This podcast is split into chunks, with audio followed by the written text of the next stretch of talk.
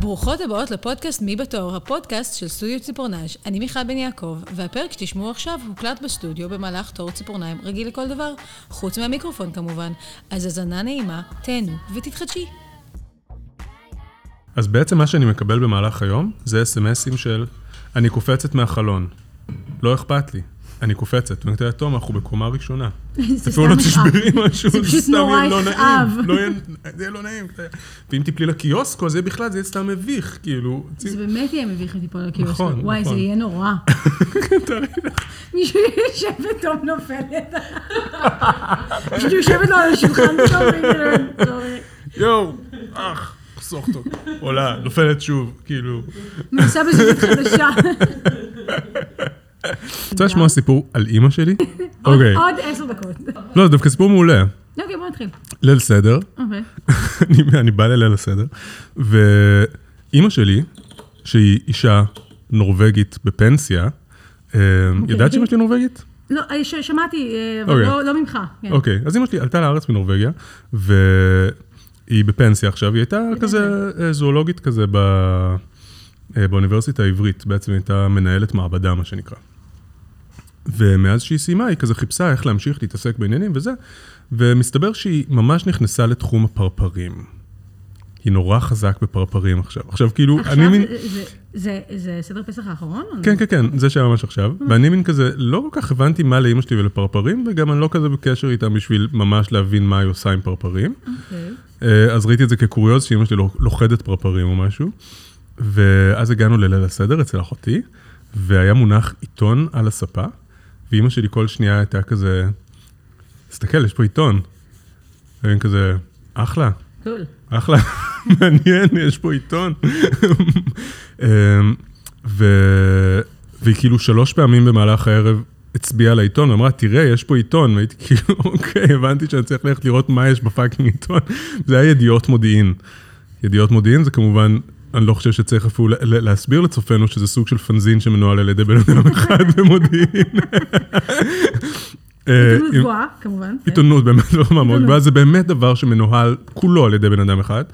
אמ, ואימא שלי מופיעה על הפאקינג קאבר, יס. פרונט פייג'. כתבת שער. ואני אימא כאילו שלך? פותח את זה, ופתאום אני קולט שזה אימא שלי על, על השער, ואז אני מסתכל עליה, והיא דופקת לי את המבט הכי מצחיק בעולם, אמ, של כזה, That's your mom, That's your mom, עם קריצה, הייתי כאילו, זה מה שכל כך לא היא, כאילו, מאיפה זה בא?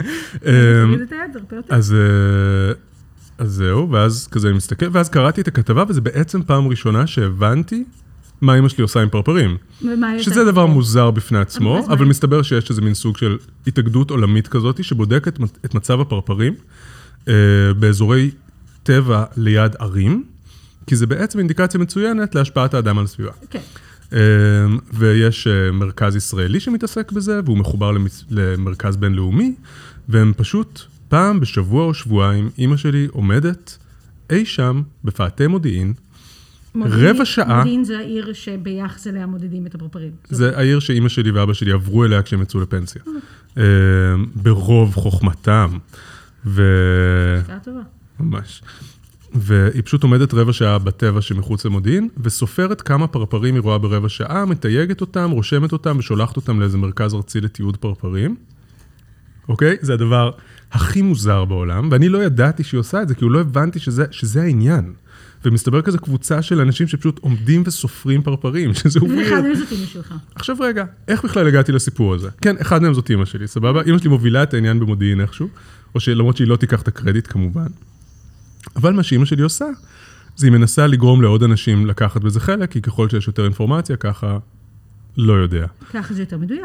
כן, בעצם אנחנו סטטיסטיקה. ב-Data Driven World, world בדיוק. נכון? אמ, אז, אה, אז, אה, אז שאלתי את אימא שלי קצת, כאילו מין כזה, מה, איך בכלל גורמים לאנשים להתעניין בדבר הזה? אז היא אמרה, אז תראה, אז למשל, אז היא עושה יח"צ, זאת אומרת, היא פונה למקום כמו ידיעות מודיעין, ומבקשת כתבה על הנושא הזה. עכשיו, הם מרותקים מהנושא, כי כמובן שאין אף אחד שבא ומציע להם כתבה, סיפור. חוץ מאיזה חנות חולצות בקניון. אז כמובן שהיא קיבלה שער על הדבר הזה, אבל מסתבר שזה לא הדבר היחיד שהיא עשתה. מסתבר שהפעולה הקודמת שהיא עשתה, שזה פעולת יח"צ מבריקה בעיניי, הייתה אה, לפנות למין כזה, יש בנק זמן במודיעין, שאנשים כזה עושים, נכון, חולקים ידע וכל מיני שיט. אז יש את הבן אדם שכאילו יעזור לך לתקן את הניאגרה, ויש את אימא שלי שתלמד אותך קצת על פרפרים. עכשיו, הדבר הזה הצליח לה. מה עשו בשבילה בתמורה לשעת ה... אני לא יודע, אבל בן אדם, היא לא אכפת להם מה שעשו לה בתמורה, כי היא רק, היא נהייתה רק רוצה מיסיונרית של ללמד. פרפרים, זה אני מטורף. רק רוצה ללמד את זה, זה כל כך חמוד. לא, אבל מה היופי? שהיא באה ומלמדת בן אדם על פרפרים, ואז הוא מתגייס לקבוצת סופרי הפרפרים. אומייגאד, היא מנהלת כת. היא היא ממש- מגייסת אנשים לכת הפרפרים שלה. זה אימא שלי. מדהים. ואני הבנתי שאנחנו פשוט נורא דומים באותו רגע, ואני נשבע לך שעד אותו רגע לא הבנתי מה הדמיון ביני ובין אימא שלי. ממש, זה ב- בחג האחרון הבנת. בחג האחרון הבנתי את זה. מרשים מאוד. כן. זה היה פתיח נפלא. היי ירון, היי מיכל, מה קורה? בסדר, אה, ברוכים הבאים לפודקאסט שלי. התחלנו טוב אבל. כן, אבל אני רוצה להציג אותך, ירון. אה, תודה. אנשים לא יודעים מי אתה, אף אחד לא יודע מי נכון. אתה בעצם. אמ, אני כאן עם ירון סיוון, שהוא אמ, הבעלים של אולפן בית, והמנכ"ל של הדמוקרטית, ואושיית אינסטגרם, נכון ירון?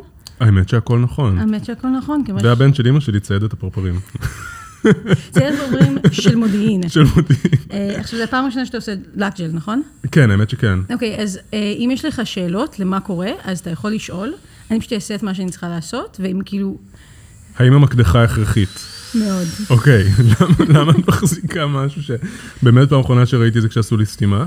אה, כי אני צריכה להזיז את האור שדבוק לציפורן שלך, הקטיקולה, פה.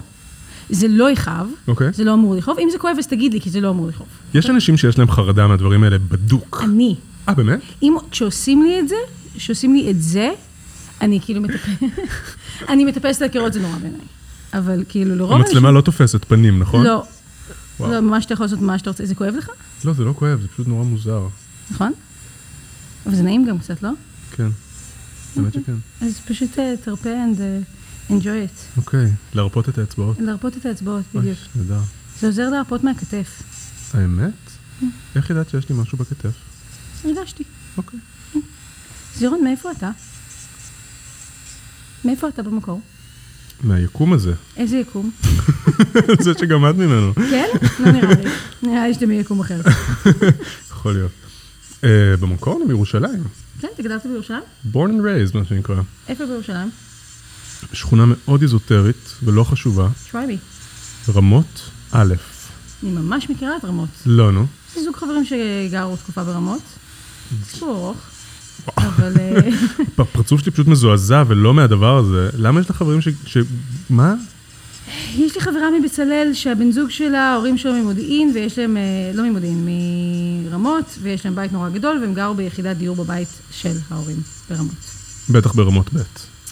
סביר להניח. סביר להניח. סביר להניח. סביר להניח. אבל אני חושבת שעברתי ברמות א' כדי להגיע אליהם כמה פעמים. לא נראה לי. לא? לא. יש שתי שכונות מאוד נפרדות. זה מין כזה צד ימין של הכביש, רמות א', וצד שמאל של הכביש, רמות ב'. אה, אוקיי, כן, לא, אף פעם לא הייתי שם. אבל אה, גם שי, גם שי sense. בעלי מירושלים, גם משכונה מאוד איזוטרית. איזו? נווה יעקב.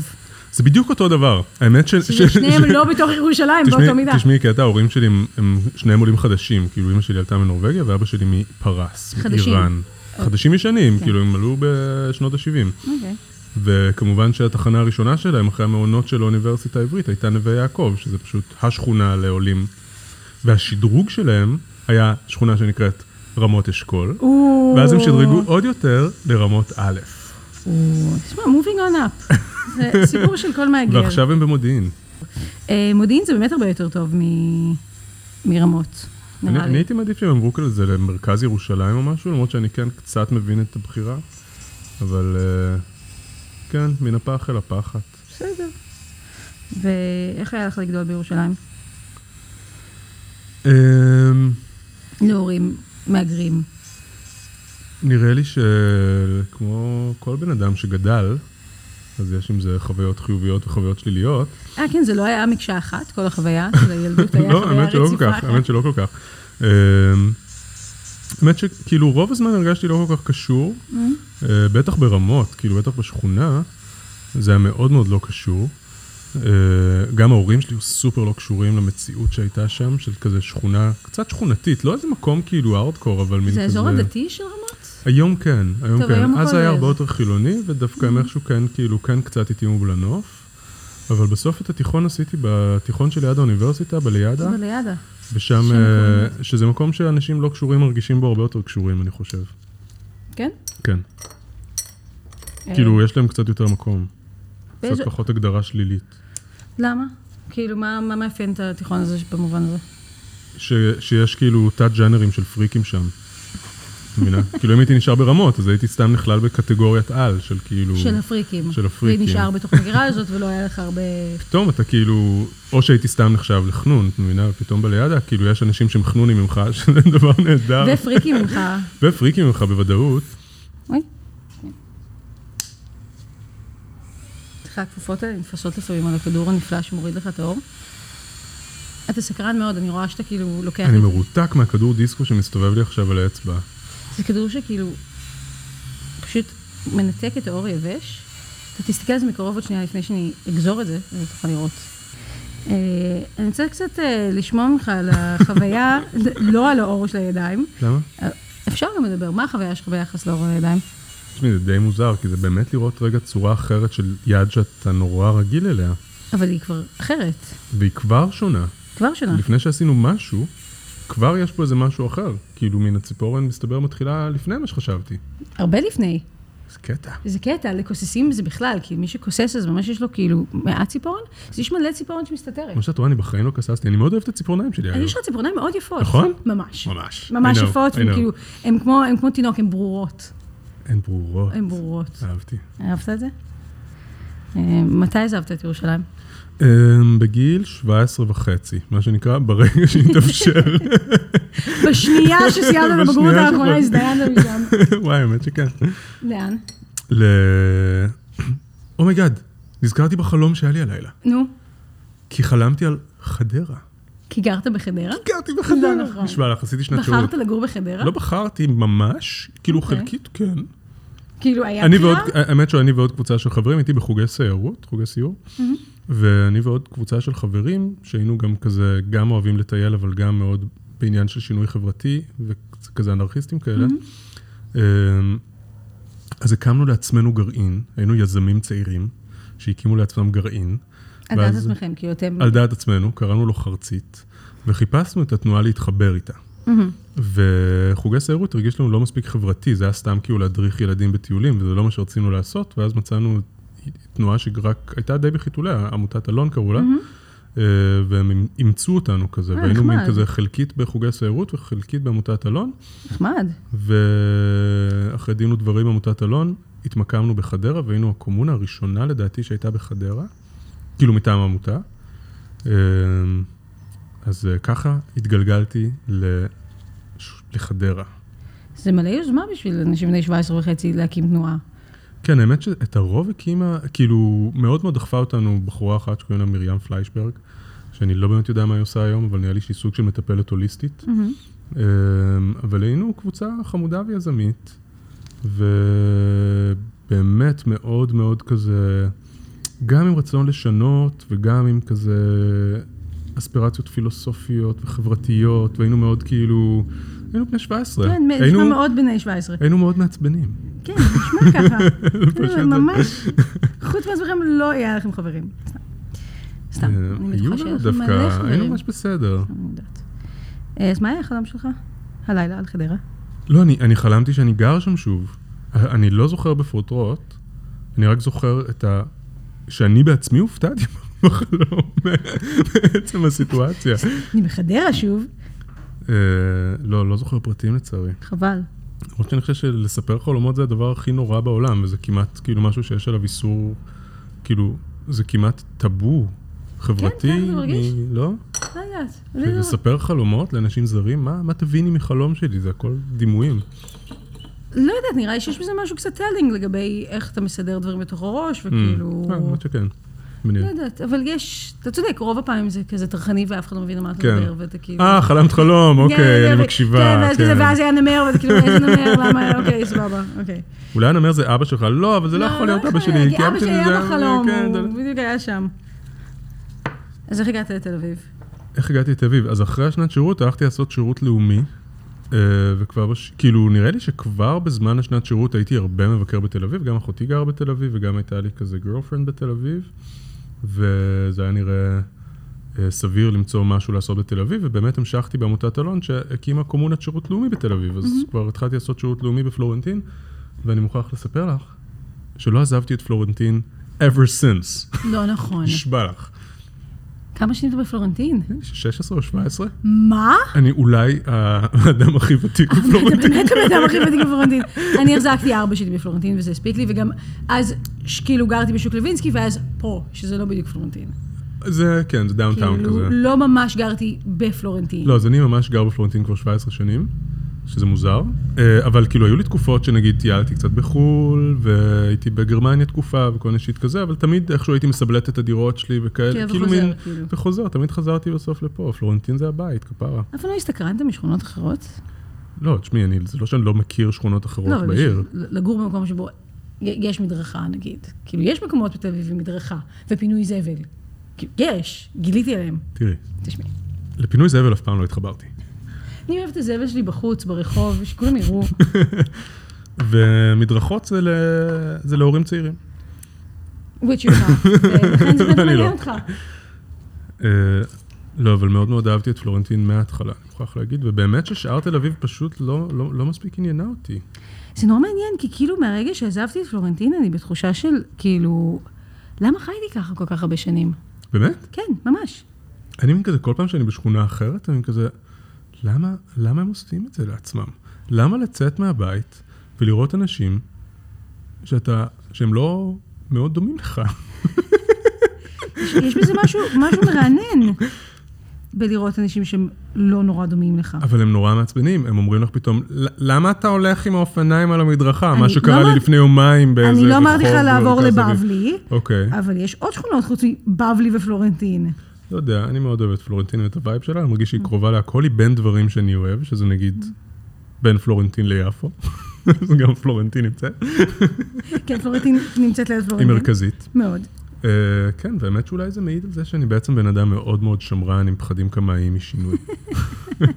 וגם הקמת עסק בתוך שכונת פלורנטין. נכון, נכון, נכון. תכניס את היד לתוך התנור, אתה תכניס את היד, ת- ת- תכניס לזה תנור. תכניס את היד כאילו פלאט, פשוט תניח אותה, אוקיי. זהו.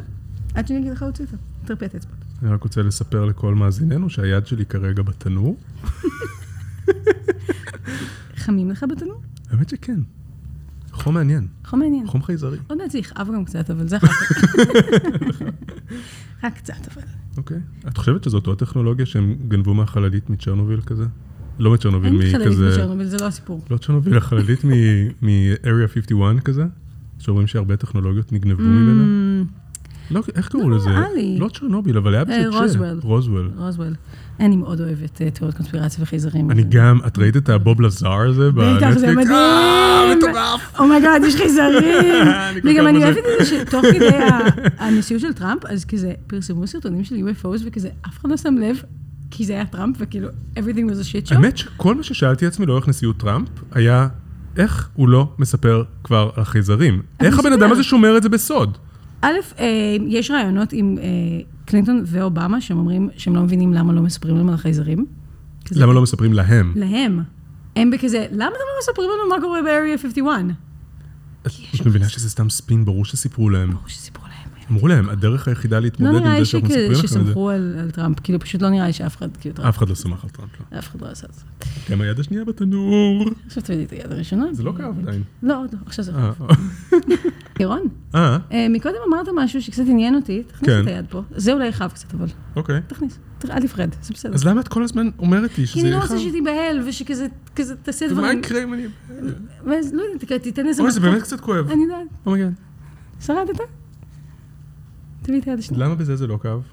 אה, כי החומר היה יותר דק בציפורן הזאת, והחומר יותר עבה בציפורן הזאת, סתם כך יצא, מהמם. וזה מתחמם, כשזה מתקשה, בדרך כלל אתה לא מרגיש את זה, כי זה קורה מהר. אבל אוקיי. כשזה עבה, זה לוקח קצת זמן. אוקיי. אוקיי. אוקיי. אה, אז מקודם דיברת קצת על, ה- על הילדות שלך בירושלים, וזה שהרגשת קצת אה, שונה. אתה כן. זה נשמח? הת- זה- זה התבטא בעיקר בזה שהייתי הייתי מסתובב עם לק על הציפורניים כל הזמן. כל הזמן הייתם לק? כל הזמן, והרבה Mm-hmm. מאיזה עיקור, גיל? והרבה צבע בשיער. כן, מאיזה גיל הייתם לק? עם לק, כן. מאז שאני זוכר את עצמי, כמו ש- כפי שאומרת מומו. באמת? כן. אה? ממש הרביתי להסתובב עם לקים, הייתי כל הזמן משתמש בלקים של אימא שלי. סתם, האמת שאימא שלי נגיד בחיים לא שמה לק. באמת? כן. מעניין. עכשיו את מבינה מה זה להיות אאוטסיידר בשכונה שיניים לא בירושלים? ואימא שלך לא שמה לק. את לא שמה איפור בכלל. כן, זה באמת מוזר. ו... אז באמת איך היית מוזר? כאילו, באיזה אופן היית משונה? איך, כאילו... תראה, אני בן אדם קצת שונה נראה לי, אני כאילו חושב ששונות זה דבר שקצת קשה להגדיר אותו, אבל זה מין... כאילו, זה קצת התחושה של לא להיות לגמרי ישראלי כל הזמן, mm-hmm. באיזשהו וייב. כאילו, גדלתי בבית באמת מאוד מאוד טוב באיזשהו מובן, כאילו מין כזה חינוך מאוד טוב והשקעה מאוד בנו, כן. בחינוך שלנו, בהתנהגות שלנו, ב, אה, בערכים שלנו, וזה משהו מאוד זר בחלק מהאזורים בארץ. לא בקטע זה, אבל כאילו מין כזה, הורים שבאו עם כזה ערכים מסוימים, אתה יכול להכניס את היד. אה, וזה תמיד דבר שכאילו יכול קצת להתפרש אחרת. אני הרבה פעמים, נגיד, שאלו אותי אם נולדתי בארץ בכלל, כי זה לא היה כזה ברור, זה מין כזה, כמו שאת רואה איזה ילד כזה, את יודעת, שמין כזה, ההורים שלו עלו מרוסיה, והוא מנגן בפסנתר כל היום בבית, והוא כאילו הכי מחונך ולובש חליפות ל- אה, עושה ל- ריקודים לקונצרטים סלונים. הקטנים, ועושה ריקודים סלונים, אז זה מין כזה קצת אותו וייב, אבל כאילו קצת יותר של טבע, כי אמא שלי, נגיד, מאוד בענייני טבע. ופרפרים. בפרפרים כפי היום, שזה. אבל אז זה היה שבלולים. אה, את מבינה? אז או, אני הייתי כאילו, וואו. תארי לך ילד שנוסע כמעט כל סוף שבוע עם אמא שלו לסיורי שטח שבהם אוספים שבלולים מנחלים, כי כן. צריך לבדוק את בירושלים. מצב ה... לא כן. בירושלים, בכל הארץ. לא, זה שאני אומרת, שזה כאילו הילד בירושלים, וזה מה שהוא עושה בסוף שבוע. הילד באיזה שלו. שכונה מסריחה בירושלים, בדיוק, ובסוף כאילו. שבוע הולך עם אמא שלו לחפש פאקינג שבלולים בנחלים, כן, אז נראה הוא- לי- אז הוא ילד קצת שונה, קצת שונה. קצת שונה. כן. חוץ מזה שהוא מין כזה... קצת... אה, נראה לי שנולדתי free thinker כזה, אה, שזה דבר טוב, זה באמת דבר טוב. I think. ב- ב- לטווח ארוך, כן, אבל אני יכולה להבין, כן. איך זה לא... אבל זה לא כל כך כאילו הגיוני בהרבה מצבים אה, בית ספריים למיניהם. לא. בכלל לא. לא, זה קצת יוצר איזה מין תדמית פריקית, או חנונית, או מוזרה, או פילוסופית. נגיד הכינוי שלי בכיתה ד' לדעתי היה כאילו חייזר. מבינה? ככה אנשים קראו לי, פ- לא, to to your face, כאילו פנו ממש. אליך בתור חייזר. ממש. מעניין, כי אתה לא... ב- אני לא אבל גם בגלל שמאוד מאוד התעניינתי בתיאוריות קונספירציה ו-UFO אז. גם כבר, מאז כבר אהבת ברור. חייזרים? באמת? אני דווקא, איזה גיל יותר מאוחר התחלתי לאהוב חייזרים. אה, באמת? כן, נראה לי שכזה ערוץ ההיסטוריה בלילה. אה, לא, כזה. אני הייתי, אז כבר הייתי בזה. האמת שהחרדות לפני השינה שלי כילד היו מפני חטיפה חייזרית. חייזרית. אני התקשרתי כל כך הרבה פעמים לכל מיני מוקדים לדיווח. לא. כן, יש, זה קצת מצדיק את זה שקראו לי חייזר. כן, נראה לי אני נגיד, שזה- ב- כאילו, הייתי בצופים בכיתה ה', זו השנה היחידה שהייתי בה בצופים, אני זוכר את המחנה קיץ של הצופים שהייתי בו. והיית בטוח שהולכים לחטוף אותך? לא, אני ממש הייתי בטוח שראיתי חלליות, וכאילו, מין כזה... התקשר- הייתי אחר כך הולך לטלפונים ציבוריים, וממש מטריל את 144. לא נכון. והם עשו משהו? כאילו מישהו ענה? מ- כזה, did it go anywhere? לא, תשמעי, הם פשוט נ- ניתקו לי הלוך ונתק, אבל כאילו, I tried. אתה ילד עקשן בעיקר. הייתי ילד עקשן. כן, אני גם בן אדם עקשן. כן, כן. כן. אה, לא, אני, האהבה שלי לחייזרים הגיעה בשלב הרבה יותר מאוחר, ואני לא חושבת שזה, תכניס לב, אה, אני לא חושבת שזה ספציפית לחייזרים, כמו שזה, כאילו אני נהנית מהטלת ספק במציאות, אני כן. נהנית מזה כתרגיל, אה, ואז I go down the rabbit hole, ואז בדרך כלל יש איזה רגע שלי בכזה, אה, אוקיי, טוב, לא, אוקיי. זה גדול עליי, תודה, אני אשאר פה בחוץ. אה, כי אני לא בהכרח, אה, כאילו, לא אכפת לי אם יש חייזרים. קונקר לסים באמת יש חייזרים. זה הדבר שהכי מעניין אותי בעולם, אני רק בזה כל הזמן. מה תעשה אם יגלו שיש חייזרים? לא, זה לא מה תעשה אם יגידו שיש. לא, אוקיי, מה, מה תעשה כשיגידו לך איזה יש ואיפה הם? אני לא חושב שאי פעם נגיע למקום הזה. האמת שהתיאוריה שלי בנוגע לדבר הזה, זה שהיקום זה הדבר הכי מפוצץ חיים שאנחנו אי פעם נוכל לדמיין, ברור. ושחלק מהיופי באבסורד שבו אנחנו חיים זה זה שאנחנו לעולם לא ניתקל בהם בגלל גבולות הפיזיקה. זה נשמע לי די סביר. כן. כאילו, סטטיסטיקלי ספיקינג זה הכי סביר. נכון. כאילו, כן. זה יקום מאוד גדול. כן. יש בו הרבה אופציות. נכון. אם זה קרה פעם אחת, זה יקרה עוד פעמים. ונוצרנו בו בנקודה שהיא קצת רחוקה מבחינת הזמן, במובן הזה שכאילו... הגלקסיות ממה? רחוקות מדי, אה, וכולם הבנתי. כבר התרחקו אחד מהשני, וזה כבר כאילו שנות אור, וזה לא כמו שהיה אנחנו הגענו- פעם, הגענו the- the מאוחר good old למסיבה, days של זה מה המפץ שאתה אומר? הגדול, שכזה מין כזה, הכל היה קרוב, מאוד. איחרנו למסיבה פשוט. איחרנו למסיבה, איזה באסה. איחרנו למסיבה. אוף. אמ, כן, אז אני מאוד אוהב חייזרים. Good to know. כן. אה, אז תספר לי קצת על העסק שהקמת בתל אביב, בפלורנטין, אחרי שגרת בפלורנטין כל חייך. אה, האמת שזה עסק אה, שמ- אוקיי, זה כי זה, שנייה רגע. שמאוד הפתיע אותי שהוא קיים. אני עושה פה פילאטיס למגודל שלי בדיוק. כן. אז למה אתה מופתע שפתחת עסק? אני מופתע שפתחתי עסק כי גדלתי בבית שבו לפתוח עסק זה אולי הדבר הכי פחות ערכי שיכולתי לעשות. הכי פחות ערכי. או, אני לא בטוח שערכי זאת המילה, אבל זה מין כזה... ההורים שלי הם שניהם בעצם עובדי מדינה, שכירים Mm, mhm, כאלה. mhm, אבא שלי באמת אה, עבד במשרד מבקר המדינה 30 שנה, ואימא שלי הייתה מנהלת מעבדה באוניברסיטה, והם שניהם יודעים מה זו פנסיה, ומה זה לקבל תלוש שכר, והם בחיים לא פתחו עסק, וממש תמיד, כל החיים הרגשתי שלפתוח עסק זה הדבר הכי כאילו מוקצה שיכולתי לעשות. זה בשביל אנשים אחרים, כאילו. כן, מעניין. וההורים שלי גם מעולם לא ממש פרגנו לזה שפתחתי עסק. וואלה, כן, מעניין. מעניין מאוד. הם, הם היום, לבד בשיט הזה. הם היום כאילו יותר? היום נראה לי הם יותר מבינים את, ה...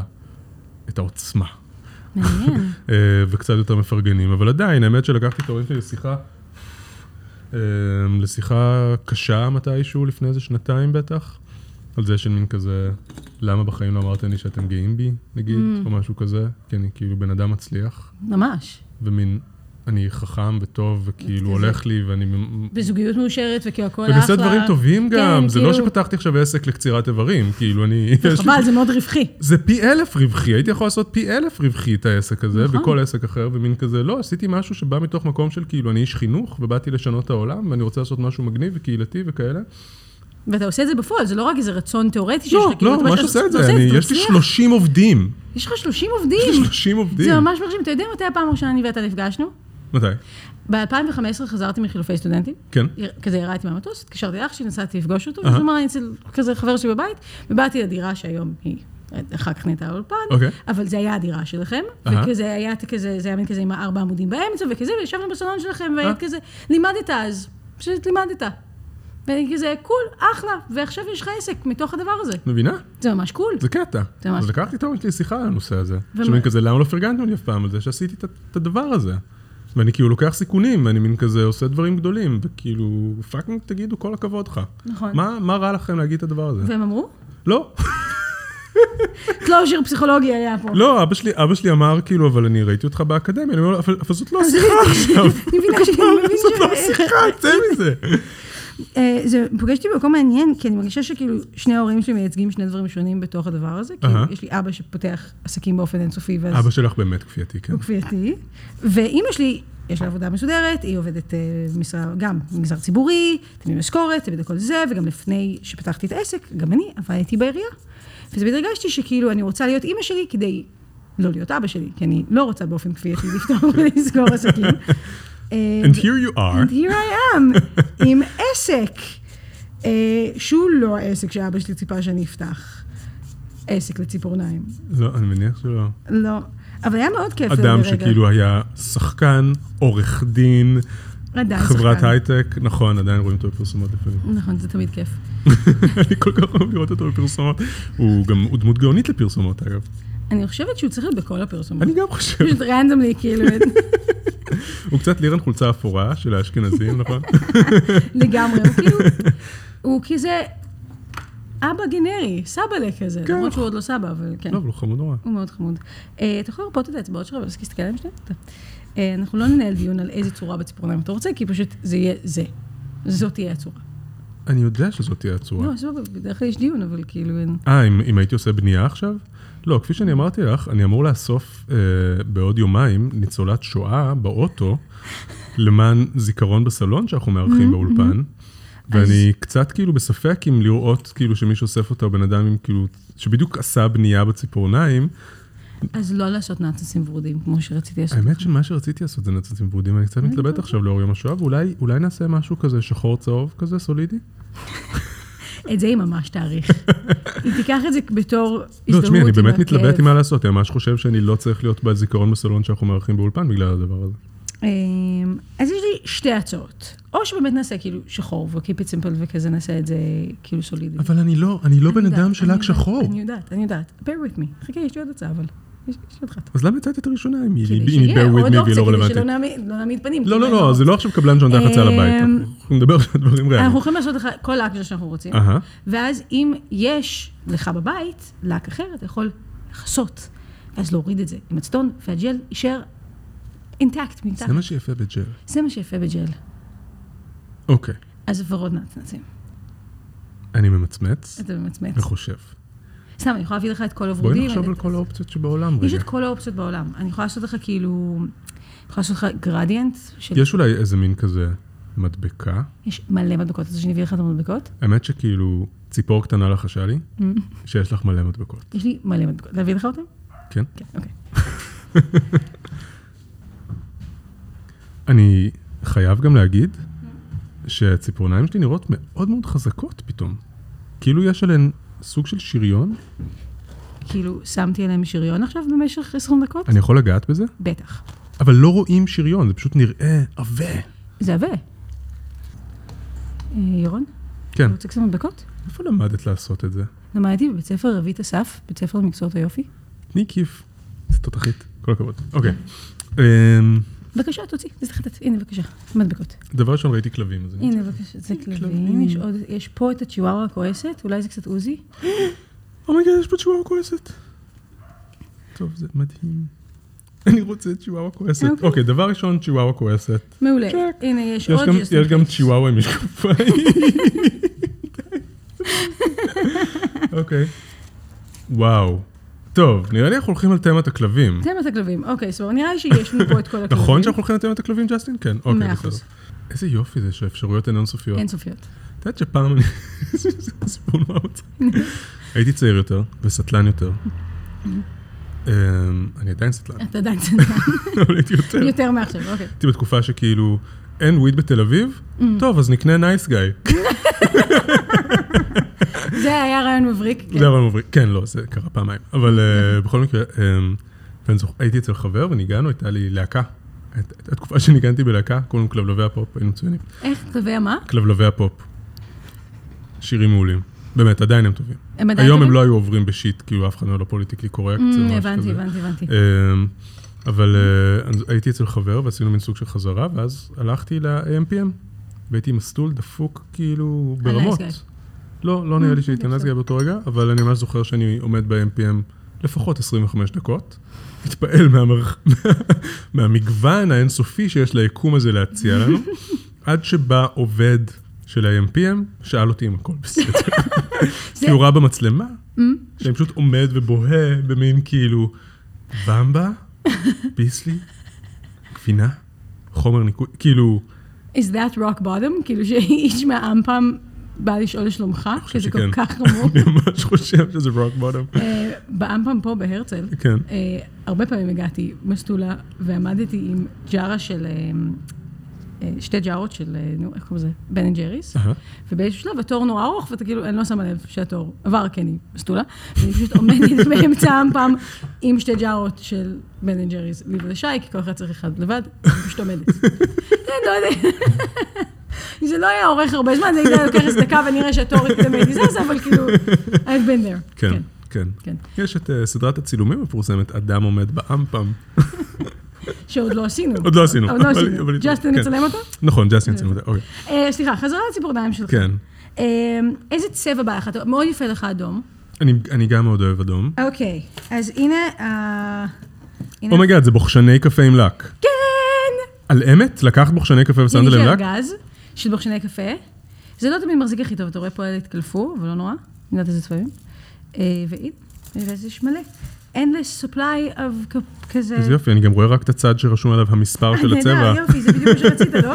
זה בול מה שרציתי. בבקשה. או וואו, זה ממש שונה מהכיוון הזה, אוקיי. זה, אה, זה הצבעים החדשים, זה, שאין לזה שום משמעות, כי אף פעם לא היית פה, אז אתה לא...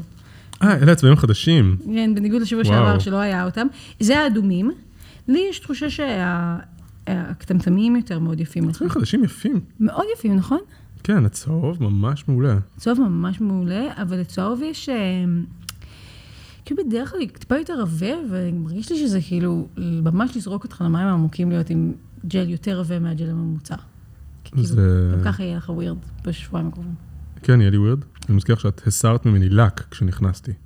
זה או- מבחינת העובי, לא מבחינת אה, מבחינת הנראות. הזה, אוקיי. לא, לא, לא, לא מפחדת מהנראות עליך. וואו, אלה צבעים ממש מעולים החדשים. ממש, ויש גם עבור, יש שם שתי ורורים. כדאי לכם ממש לבוא ממש. למיכל לעשות אצללה, כי יש לה צבעים ממש יפים. אה, למיכל יש רשימת המתנה ואין לנו מה לעשות פה. אוקיי. לא, אז- אז זה נראה לי כמו צוות טוב ליד. אתה רוצה שנתייעץ עם תום? כי נראה לי שאם אתה מקבל החלטות שאתה אולי לא יודע מה ההשלכות שלהן. יכול להיות שכדאי. אבל אל תגלה שהיד השנייה תהיה עם כלבים. שזה פשוט יהיה כאילו, it'll be a surprise. לא, לא לכתוב ליד שנייה מלאה בכלבים בצ'יוואוות? אוקיי, בוא. רגע, אמרנו שיש רקע לצ'יוואוות? אני חושבת שיהיה נוד פשוט, כאילו, מעין איזה נוד אפילו שקוף. אוקיי. קול. אוקיי. קול. בולט מדי, היא כותבת. הופה, אז יש לי עוד כתום שהוא קצת יותר אמ, understated? מעניין. תעשה שקוף עם מדבקות ונצנצים, כותבת תום. שקוף עם בדיקות הנאצים. אז יש לנו שתי שליש מהבקשה שלה על יד אחת. כותב לה, זה יקרה גם. אבל לבן או אתה- אפור בעיר. אה, אפור בעיר מעניין. אפור בהיר זה מעניין. גאונה עם האפור בעיר, כותב לה ירון. אוקיי. יש, כן. כאילו יש איזה סוג נצנצים שעושה משהו ממש קול, ובגלל שאתה כאילו בן ואתה אוהב חומרים, אז נראה לי שזה מה שהגניב אותך. זה כאילו זז עם המגנט לפני, כזה, מה, מה, מה, מה? זז עם המדבק? עם מה, מגנט, כן. מגנט. אז כאילו, בוא נשכח מהכתום שנייה, כי כאילו אני עכשיו כזה, יש לי רעיון יותר טוב.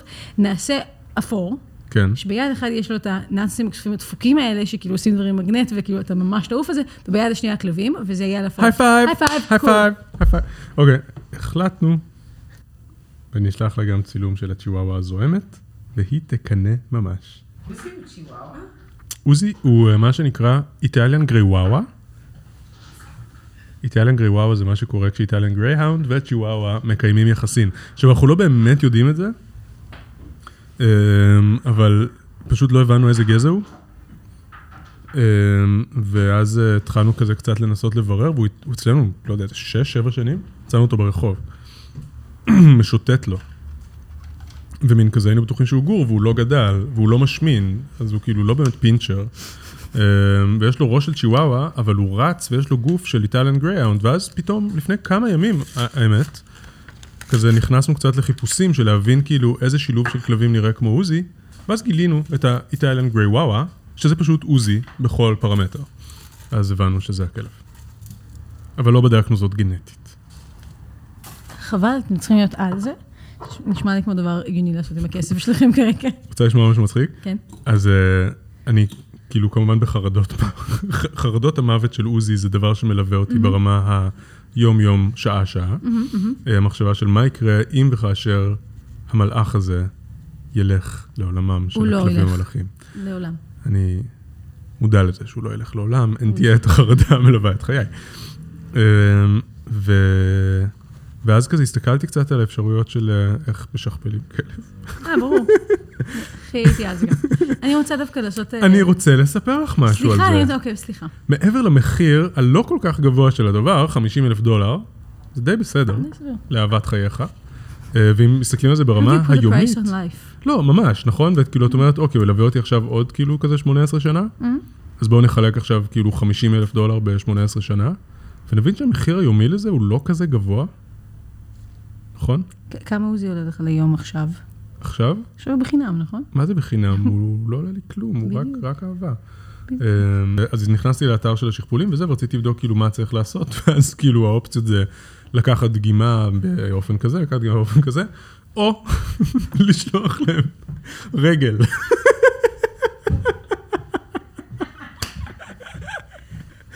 כאילו, אוקיי, אוקיי, אוקיי, זה אומר שכאילו, כשהכלב שלך מת בתאונה אכזרית, פשוט כאילו, תנסה לא, לו את כי- הרגל ותשלח שוק של כלב, כאילו, וואט דה פאק. גם אני מדמיינת את השוק של עוזי, זה כל כך קטן. אה, לי יש חתולים שלוש רגליים, אז אני מאוד כזה...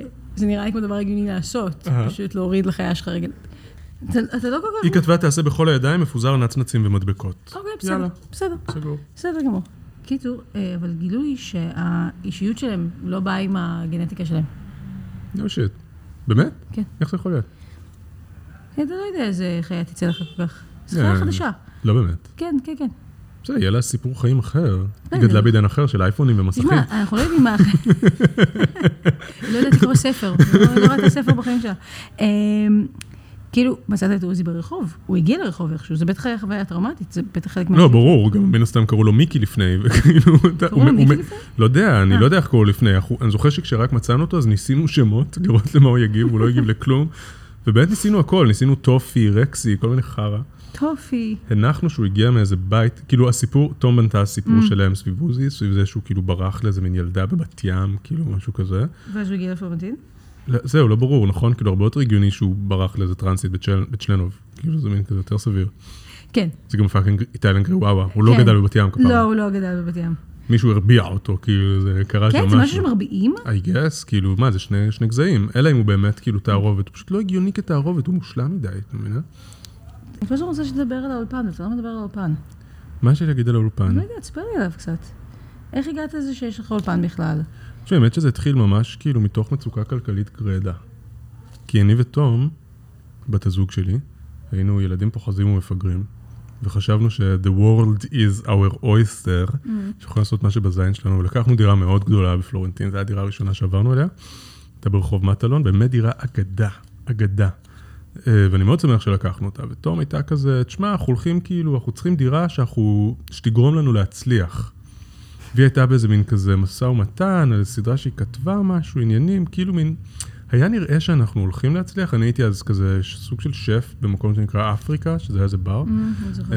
אמ, והייתה תקופה שכאילו, אנחנו באמת שנינו חיינו באיזה אילוז', וביום שבו עברנו לדירה במטלון, האילוז' הזה התנפץ. כאילו, תומין כזה, הייתה כזה, כן, לא הפיקו את הסדרה, ולא השנה לפחות. ואז פיטרו אותך? לא? ואני מין סוג של התפוטרתי שם, וכזה נכנסתי לאיזה מין קלאש עם השותפים, וישבנו בסלון של הבית הענקי והיפה והלופט המושלם, שבאמת כאילו בית כזה של מבוגרים. ישבנו שם, באמת תפסנו את הראש בקטע של וואט דה פאק, מה אנחנו הולכים לעשות עכשיו, איך נשלם את השכר דירה פה? ואני הייתי מאוד לא בקטע של לקחת מההורים שלי כסף עד היום, Mm-hmm. אמ, ולתום ליטרלי לא היה כסף. ו... או מישהו לבקש ממנו כסף, היינו עם כזה, אוקיי, אז אה, צריך למצוא עכשיו פתרון לחיים האלה. ומזה נולד האולפן, כי לפני זה אני בעצם הייתי מורה לעברית, כאילו לתקופה, למדתי באוניברסיטה הוראת עברית, והייתי מורה לעברית באולפן שנקרא אולפן נווה צדק. וזה היה משהו שהייתי טוב בו מאוד, וכאילו גם ללמד זה משהו שעשיתי מאז השנת שירות, מין כזה, אני מאוד אוהב ללמד, והוראה זה ממש הטינג שלי כזה. ואמרתי, טוב, יש לי תלמידים, יש לי את הרזום, יש לי, כאילו, אנשים אוהבים אותי. אני יכול עכשיו לנסות להחזיר כל מיני תלמידי עבר וליצור איזה מין משהו קטן שאני אלמד בו, וככה לפחות נעשה קצת כסף בהתחלה. והאמת שהרבה בזכות תום, ממש הלכתי על כאילו faking it till you making it, Mhm. מה שנקרא.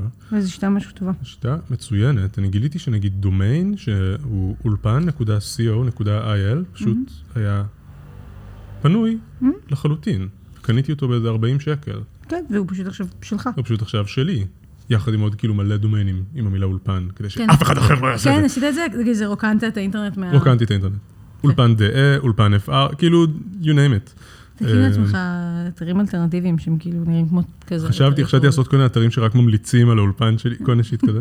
אה, אה, חיפשתי אולפן בתל אביב, ככה בזמן, שמצאתי את האולפן של ירון. כן, מניין? וב- ולכבוד זה קניתי דומיין ואני ממליץ בו על האולפן שלי. מניין העברית שלי, מירון, לכו לשם. אז זה באמת התחיל כמין כזה פרויקט ביתי, שבו אני מלמד בחלל המאוד גדול שהיה לנו, מהמם. ומין כזה הדבקתי לוח על הקיר, פשוט התחלתי ללמד, וקניתי את הדומיין, וממש כזה, זה היה one man show, שהיה נראה כלפי חוץ כ-not one man show. ואת מבינה? זה היה כאילו, אה. זה היה מה שנראה בית ספר, ומין כזה, הייתי עונה בשם המזכירה של בית הספר, זה כזה אני וייב. הייתי עונה הרבה זמן בלשון רבים, אנחנו כן. עושות. בדיוק, והיה רק אותי, בבית. בדיוק, בדיוק, זה בדיוק מה שזה היה. לפעמים אנשים היו מגיעים והיו כאילו מגה מופתעים של מין אוקיי. כזה, אה, רגע, למה אנחנו בבית שלך, אחי? כאילו, מה קורה פה? איך זה היה לך אה, לעבוד בבית? זה שם, היה, באיזשהו שלב זה נהיה ממש עמוס, וכאילו כמעט לא הגיוני. זה היה פשוט, הבית שלנו נהיה חדר שינה, ובית ספר שכל הזמן יש בו אנשים, והתחיל להיות לא נוח, ואז התחלנו לקחת את הדירה שממול, זה כאילו קצת גדל, אבל האמת שכאילו שלב לפני זה היה שלב סופר קריטי לכל הגדילה של העסק, שכולל גם סיפור מצחיק על עסקים קטנים ואיך הם נולדים. שם. רוצה לספר לנו סיפור? אני אספר לך את הסיפור המשעשע הזה, אה, שכאילו, אוקיי, אז אנחנו מדברים על ממש ההתחלה של האולפן, ועל זה שיש דומיין פתאום. ואז אני מקבל מייל, מגה רציני, של כזה, היי, אנחנו מחפשים אה, נותן שירות להוראת עברית בשביל ארגון שאסור לנו לנקוב בשמו, מטעמי סודיות. ואני כזה, אומייגאד, כאילו משהו רציני קורה. ומין, אמרתי, תום, כזה, מה לעשות? והייתה כזה, לא, תמשיך, כאילו, תהיה הכי בווייב של כאילו, אתה בית ספר, הכל סבבה. fake it till you make it, שוב, והייתי כזה, אוקיי, והכנתי להם הצעת מחיר באמת של שבעה עמודים, ו... אז הגשתי להם את ההצעה של כאילו תוכנית לקורס ועניינים, והדבר שנראה הכי רציני בעולם. ליטרלי המצאתי לוגו לכבוד הדבר הזה, כאילו מין כזה, הגשתי להם את זה על נייר של האולפן, הכל היה מגה טייט. ואכן קיבלנו את הפרויקט, וזה היה מרכז פרס לשלום, התברר לי, וזה היה מגה מרגש.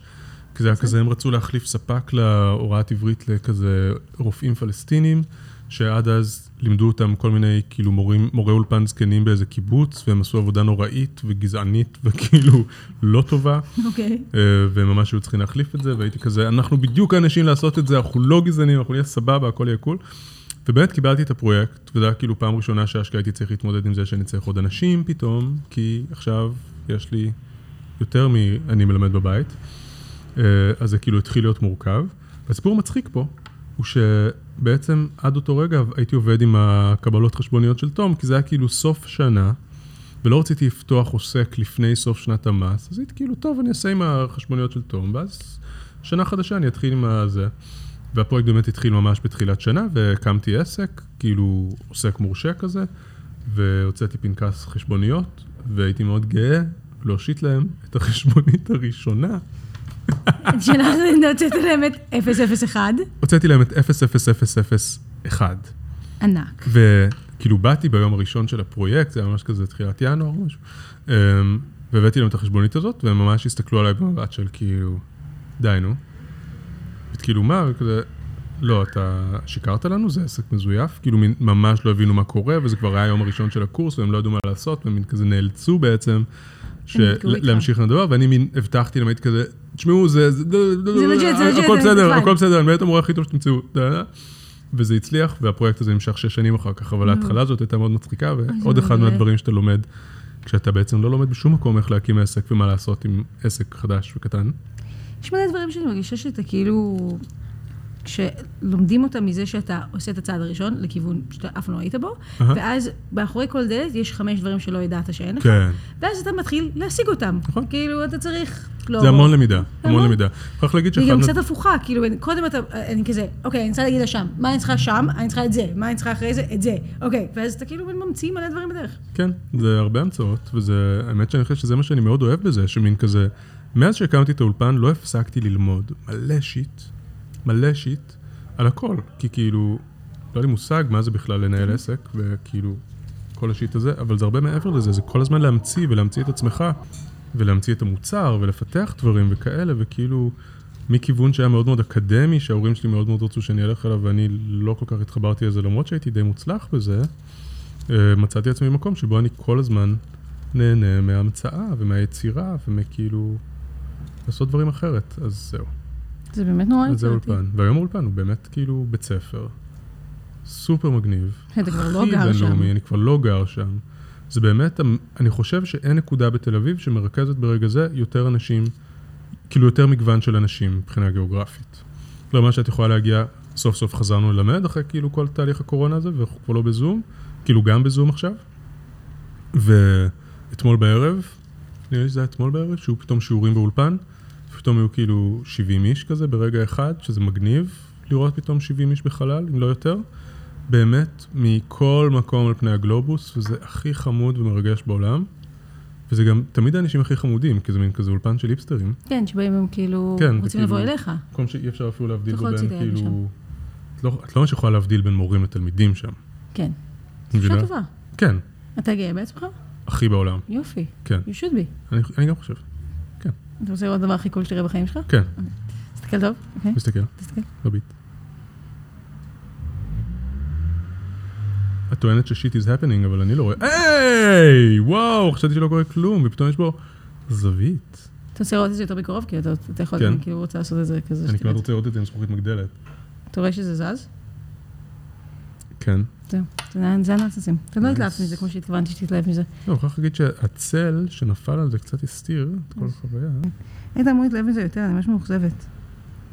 אנחנו, את מבינה שאנחנו פה מקליטים כאילו משהו ואפשר פשוט להקליט אותו שוב. אתה רוצה, אתה רוצה לעשות סאונד שלך ממש מתלהב? ואז ואז נ- נערוך את זה פנימה. בואי ננסה, אה. בואי ננסה.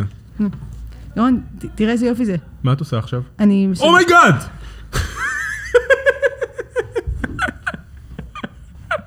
זה זז! אני לא מאמין, אני לא מאמין שזה זז. זה ראית? נצנצים? ראית את זה? הנ- הנ- איך הזזת אותם? עם זה- מגנט. זה מגנט? זה מגנט. אומי- זה אפילו לא נראה, מה זה? יואו, אני בהלם. איזה טכנולוגיה מטורפת. חושבת שזה קשור לרוזוולט? לטדי רוזוולט? לטדי רוזוולט, כן. ירון, אתה אוהב את השפה העברית? מאוד, כן? מאוד. תמיד אהבת את השפה העברית? אמ, תראי, תמיד אהבתי, תמיד אהבתי לקרוא, וזה אומר משהו. אמ, ונגיד בתיכון לא כל כך אהבתי את השפה העברית כשפה, אבל אני חושב שמלמדים אותה מאוד גרוע. כאילו אני מין כזה תלמיד מצטיין בהכל, שהבגרות היחידה שהוא קיבל בציון לא טוב הייתה בגרות בלשון. אמ, ומין, אף פעם לא הייתי טוב בזה לכאורה, אבל היום אני מאוד מאוד טוב בזה, מאוד מאוד מבין בזה ומאוד אוהב את זה. אה, ובאופן כללי אני באמת מאוד מאוד אוהב שפות. אה, אני אוהב ללמוד שפות, ואני אוהב להתעסק במבנה של שפות, וזה מעניין אותי וכיף לי, ואני אוהב שפות אדם ושפות מכונה, ולחשוב על שפות מומצאות ועל שפות חייזריות פוטנציאליות, ואני ממש נהנה ומתרגש מהדבר הזה. אני חושב ששפה זה למעשה הטכנולוגיה המפותחת ביותר שאדם פיתח עד כה. אה, סליחה על הפסיכולוגיזם, אבל זה קשור לעובדה שההורים שלך לא מפה, אתה חושב? שהם למדו שפה? זה נגד עיניך קצת? אמ, אני לא בטוח.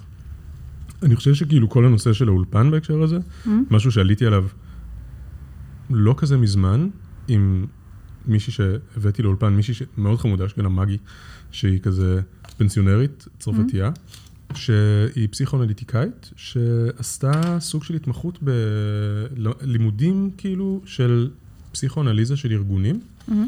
והיא רצתה לעשות סוג של... אה, את העבודת גמר שלה על עסק, ומין מישהי פרסמה את זה בפייסבוק, והייתי כאילו, אנחנו עסק שני- שישמח לפסיכואנליזה, כי אני מספיק כאילו פרוע בשביל לחשוב על זה שדבר כזה הוא ייתכן בכלל. לגמרי. ואז היא באה לעשות פסיכואנליזה לאולפן, שזה דבר מוזר ומעניין, שמתבוננים בחללים של האולפן, שנוצרים אה, ברמה זה נחמד. החברתית, ומכלים, טוב. ופה ושם, בעניינים, ולמדנו המון על המבנה הארגוני, ועבדנו על המבנה הארגוני, והמון השתנה מאז באולפן בקטע מאוד מאוד חיובי. אה, ותוך כדי אחת השיחות איתה, אז מין כזה קצת פתאום נפל לי האסימון, שבעצם האולפן משקף איזה מין צורך, ש... כאילו, שאני לא כל כך יודע אם הוא צורך שלי, אבל מין... מאוד מאוד ברור שזה בא עם איזשהו תסביך של חוסר השתלבות. כי כאילו האולפן, מעבר לזה שהוא בית ספר לשפה, הוא, הוא הרבה יותר מבית ספר לשפה. בואי נגיד את זה ככה, כשאני הקמתי את האולפן, אז לי היה איזה מין מודל בראש של מה זה בית ספר לשפה ומה זה לא צריך להיות, כי כל אולפן שעבדתי בו לא היה טוב בהקשר הזה, כי אולפנים הם מאוד סביב השפה, והם לא מבינים את התפקיד החברתי הנורא נורא נורא חשוב שיש להם, בלעזור לבן אדם באמת להיכנס לחברה.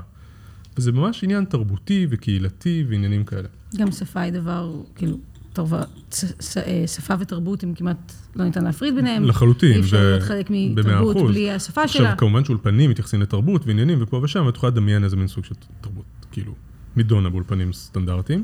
לא אה, זאת שבפלורנטין. לא זאת של פלורנטין. אה, ופתאום הייתה לי הזדמנות לקחת אנשים שהם כאילו אאוטסיידרים לחברה, ולעזור להם להתחבר אליה מזווית סופר מעניינת. וזה נראה לי מאוד גם עובד ומוערך, כאילו האולפן הוא הרבה יותר מבית ספר לעברית, הוא קהילה של אנשים שלומדים מה זה ישראל בכלל, ומה זה...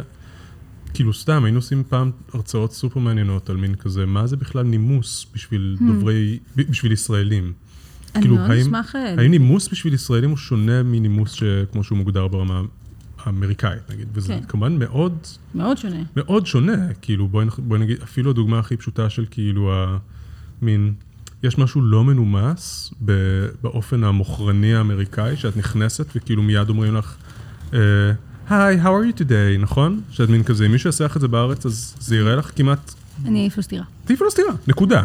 נקודה, ואם מישהו יתעלם ממך באלגנטיות, וייתן לך לעשות את מה שבזין שלך בחנות בגדים ולהסתכל על חולצות, את תרגישי שהוא מנומס אלייך. דבר שלא יעבור בארצות הברית למשל. את נכון. ברור, מבינה? כי אז זה אני כזה- חוסר רצון למכור אם אתה עושה את זה באמריקה. אז אה, אך- על זה אנחנו מחממים את ההרואין בעצם? כן. אוקיי. אה, הבאת את המזרק? בטח. יופי.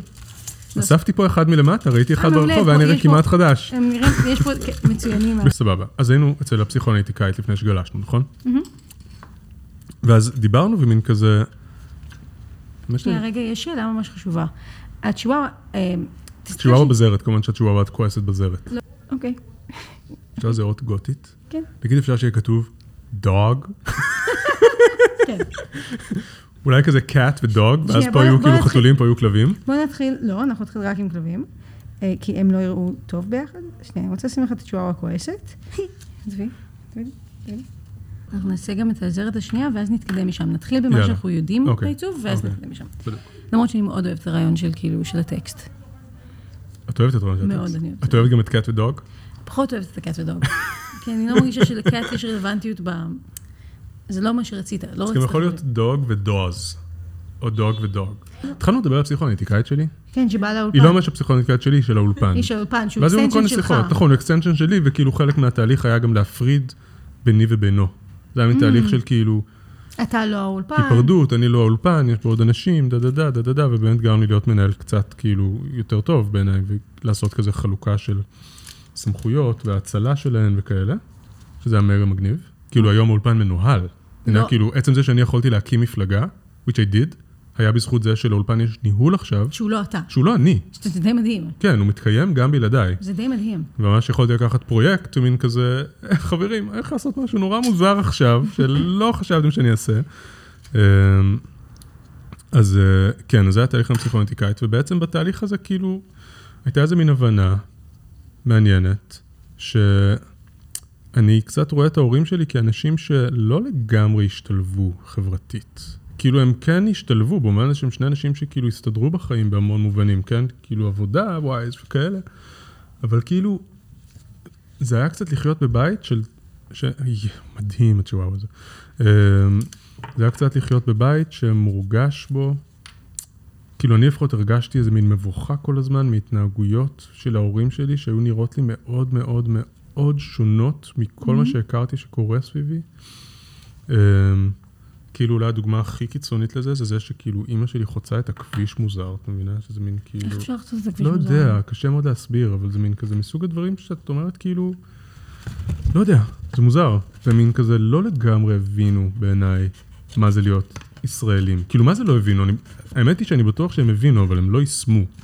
משהו שאני בטוח שקורה להרבה מאוד אנשים שעולים כן. בגיל מבוגר, כאילו, וזה, אתה יודע, וכמה הם היו שם לא? שניהם היו בשנות ה-20 שלהם, תחילת שנות כן. ה-20, אבל זה כאילו מספיק מבוגר, כאילו, אתה מספיק בן אדם, אתה מספיק מפותח בשביל לא באמת לשנות את רוב ההרגלים שלך. נכון. אמ, גם לא לרצות וגם לא להצליח. נכון, גם אם אתה רוצה, נכון. אז תהיה קצת... נכון. אה, זה.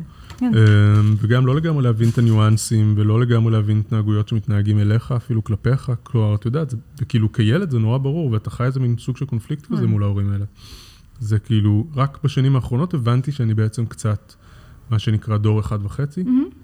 אה, של מין כזה, מישהו שכל החיים, אתה יודע, את המוזרות הזאת, כן, כן. זה שכאילו, אנשים שאלו אותי עד גיל מאוד מבוגר, גם הם יכולים לשאול אותי, אם אני ישראלי, אם נולדתי בארץ. מעניין.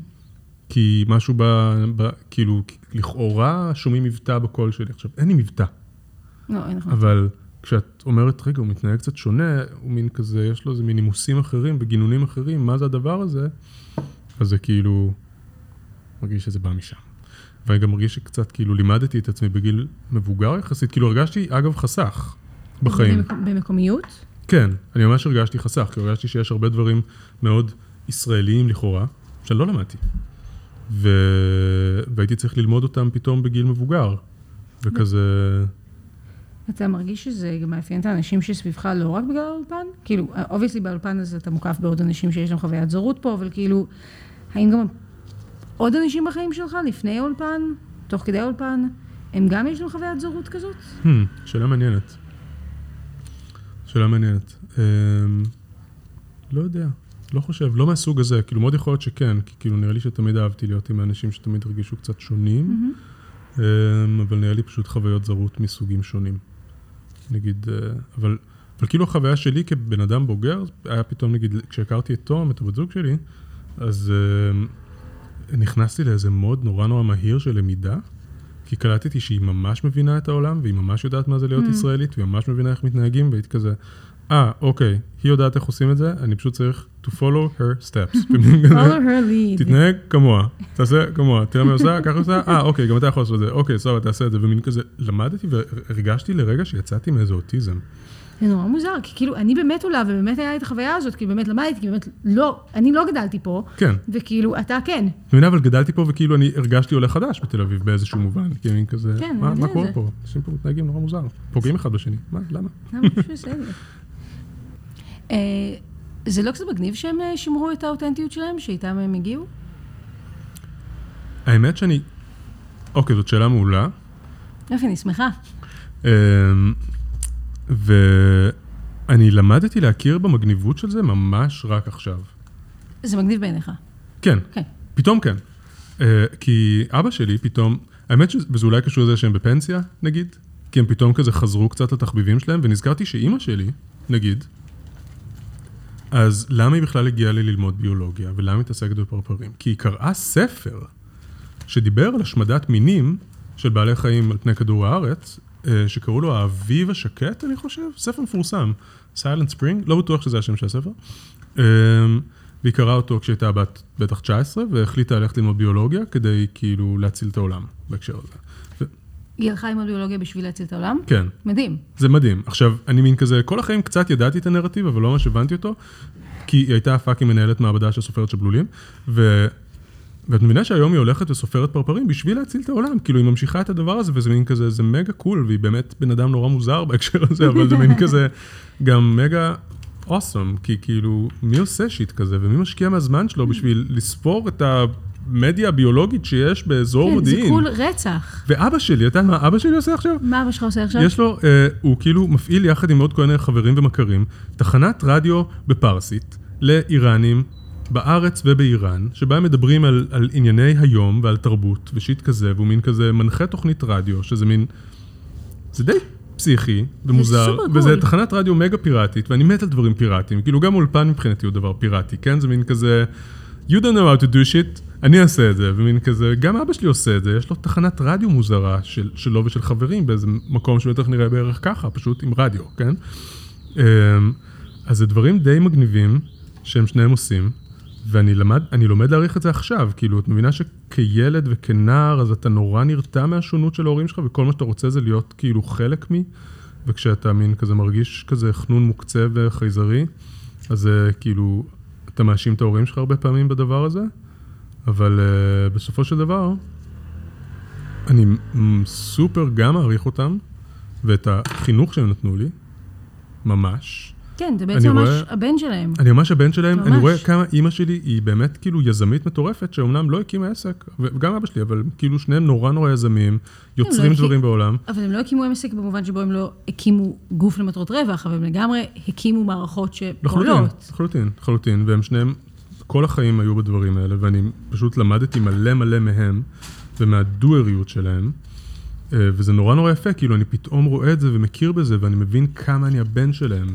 בכל דבר, גם ביצירתיות ובחשיבה מחוץ לקופסה כל הזמן, אה, ובאיזושהי, באמת תכונה שאני מרגיש שכאילו אולי התכונה שאני הכי שמח שלקחתי מהם, שזה איזשהי סוג של, נקרא לזה, אני לא מרגיש שאני בן אדם מגה צנוע היום, mm-hmm. אבל אני כן, כאילו, אני ממש לא מרים את האף על אנשים, כן. ואני מאוד יודע להקשיב ולהבין מי הבן אדם שנמצא מולי, ומין, תכניס את היד. זה, אם יש משהו שאני שונא זה התנשאות, למרות שהרבה פעמים אומרים שאני נשמע מתנשא ושיש לי קול של זה בן אדם בגלל שיש לך מתנשא. עברית אה, תקנית אבל זה וקול עמוק, פשוט. וזה נשמע מתנשא. נכון, אבל אני באמת, באמת באמת שלא, כאילו זה באמת, אין לי שום, זה דברים שאני ממש מרגיש שלקחתי עם ההורים שלי שמאוד מאוד עזרו לי. צריך אה, להגיד. יחד עם איזה מין כזה כנות, נגיד מאימא שלי, שהיא נורבגית, שזה כאילו אנשים שהם בסופו של דבר, הם, ל- בואי נגיד את זה ככה, נורבגים לא רבים, כי נורא לא נעים לריב עם נורבגים, כי הם פשוט אומרים לך את האמת בפנים, ואז אתה רוצה למות, וזה מין כזה... That sounds fun. אמ, וזה מין כזה, אני מרגיש שנגיד רכשתי מאימא שלי איזה מין כנות אבסולוטית כזאת, שלא הבנתי את זה בכלל, ואז כאילו אני מוצא את עצמי, לא יודע, אפילו התקשורת היומיומית שלי עם תלמידים באולפן, שצריך להגיד להם מה הרמה שלהם בעברית, ואין לי שום בעיה להגיד לבן אדם, זה גרוע. תשמע, אתה לא יודע עברית, אפשר לטפל בזה. וזה כן, מין בעצם כזה- גרוע זה דבר שיפוטי, ואתה לא יודע עברית, זה ציון עובדה. בדיוק. כן. בדיוק. אמ, אז, אה, אז כאילו כל מיני דברים כאלה, שאני אני מאוד מאוד מעריך את ההורים שלי על זה שהם נתנו לי את הכלים האלה לעולם, והם כביכול לא נתנו לי הרבה כלים אחרים, אבל פשוט למדתי אותם בעצמי, וזו שיחה מאוד חשובה, כי אני כרגע למדתי להשלים עם ההורים שלי, ולא הייתי צריך לדחוף עוד בול של LSD בשביל לעשות את זה. כל הכבוד, יס, יס, יס. מדהים. אז אימא שלך רוצה להציל את העולם, ולאבא שלך יש אה, תוכנית רדיו אקטואלית, ואז השילוב ביניהם זה בעצם הדמוקרטית. הדמוקרטית זה בהחלט כלי להצלת פרפרים, אה, והם- ותחנת רדיו. הם מתקדמים טוב עם המטרה הזאת? כן, האמת שאנחנו ממש... אה, צ- מצילים פרפרים? יש עושן ומלא פרפרים כבר. לא, האמת שהדמוקרטית, אני מרגיש שזה באמת... הכנסת? זה רק את ה- את הכל. זה את הכל. אה, דמוקרטית בהחלט מאוד מאוד מאוד קשורה ומתקשרת את כל הדבר הזה. גם אבא שלי הוא, הוא בן אדם מאוד פוליטי. אני חושב שגם באופן כללי, אנשים שעושים עלייה, הם אנשים עם... דבר ראשון, הם מקריבים המון. כלומר, הם פשוט, מהגר, להגר למדינה אחרת בגיל מבוגר זה דבר פסיכוטי. זה לא דבר משנה מה מטורף. הגיל, ואתה בן אדם מטורף שיעשות את זה. אז ברור שאת הטירוף לקחתי מהם. אה, וחוץ מזה, זה להיות בן אדם פוליטי. כלומר, ציונות זה תנועה פוליטית, והם כן. ציונים. ו- הם ממש מימשו את הציונות שלהם, כן. זה לא ממש דבר. מימשו את הציונות שלהם, דבר שהיה באמת אה, נקודה משברית בבית, בינינו. אין דיאט, אה, כן, הם אנשים עם תפיסה פוליטית ומין כזה מאוד מאוד הורישו לי אותה. Mm. רוב הוויכוחים שלי, רוב הריבים שלי של גיל ההתבגרות היו ריבים פוליטיים. נקודה. עם ההורים שלך. עם ההורים שלי. מדהים. הייתי סופר ימני עד גיל מסוים. הייתי אולי אחד האנשים הכי ימנים בבית ספר שלי, או בסביבת חברים שלי לפחות.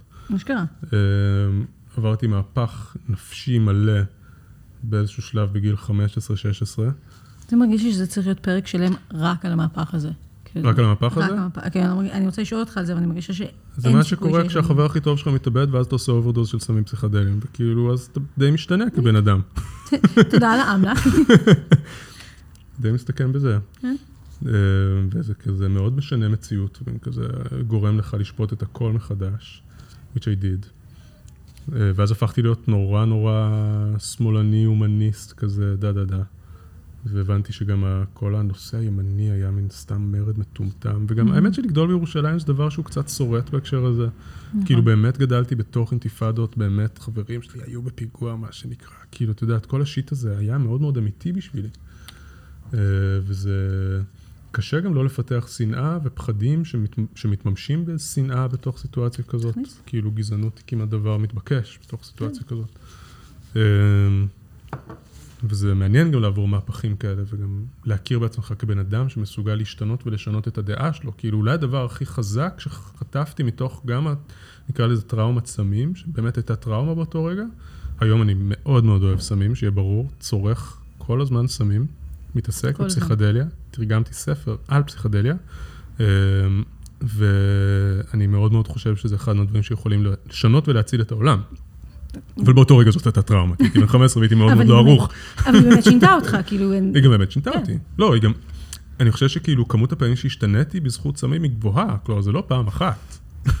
כן, כלומר, טריפ האסיד הראשון שלי היה לא פחות משמעותי בשבילי כבן אדם, הרבה מעבר אולי אפילו לטריפ הזה שהיה בגיל 15, שגרם לי Mm-hmm. אומנם לפקפק בכל מה שאני מכיר, וגרם לי להיות בן אדם שלא לוקח שום דבר כמובן מאליו עד היום.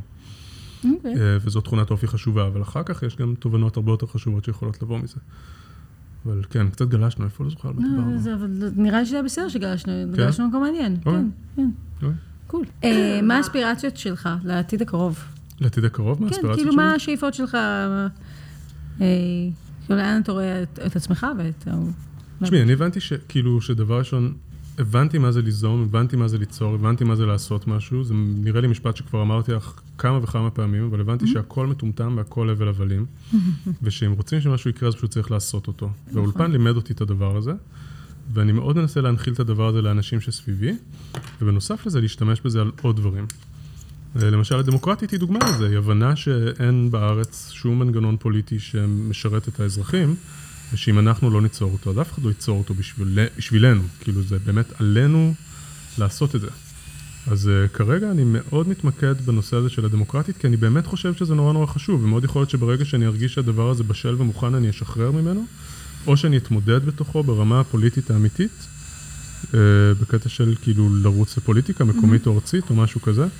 Uh, אני חושב שאנחנו שוכחים שייצוג זה דבר שמאוד מאוד מגיע לנו, כי אנחנו פאקינג האנשים שמייצרים את המקום הזה ואת את כל הדברים שנפלאים בו.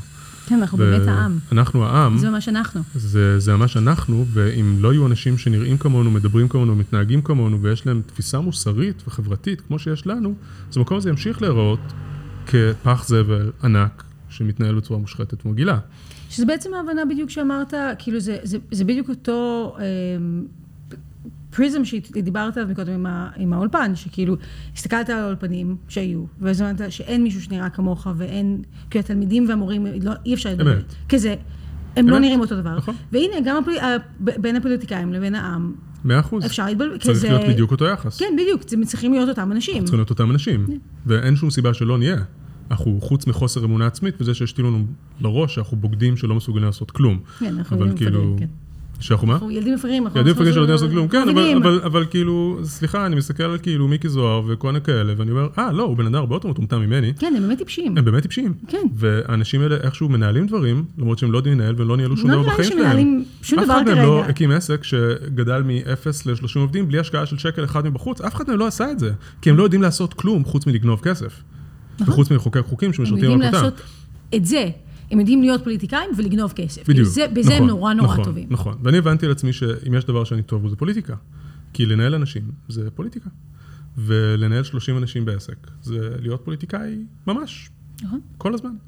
אה, וההבנה הזאת גמרה להבין שכאילו מעבר לזה שחשוב לי ליצור את המבנה הזה, גם יהיה לי אולי חשוב באיזשהו, באיזשהו זמן גם אשכרה לעשות איתו משהו בעצמי, אה, או לפחות לגרום לזה שאנשים אחרים שאני מעריך יעשו את הדבר הזה.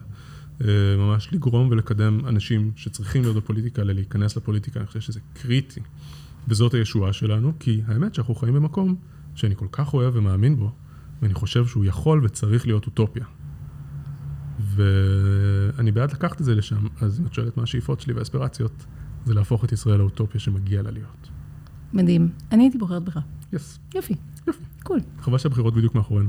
אה, בדיוק לא נבחרת להיות ראש ממשלה. אה, ירון, סיימנו. זהו? זהו, זה שלך. אה, הסתכלתי לך בעיניים ולא הסתכלתי על הציפורניים. זה ה- זה מקסים זה הגוף שלך עכשיו. ומדהים, וזה הגוף שלי עכשיו, ואת בנית עליי משהו. נכון, זה כל כך יפה. תתחדש. אני מודה לך על, ה... על הנתינה הזאת. זו הייתה חוויה נהדרת. אני מבין למה תום עושה הרבה לקצ'ר. אמ, ואני מקווה שאני לא אתרגל לזה יותר מדי, כי אני יודע שקשה להשיג תורים אצלך. נשמור לך מקום. טוב, טוב. יאללה, סיימנו. יאללה. תודה רבה שהייתן איתנו, ותודה לסימנון על השיר מורידה את הכפפה. ביי!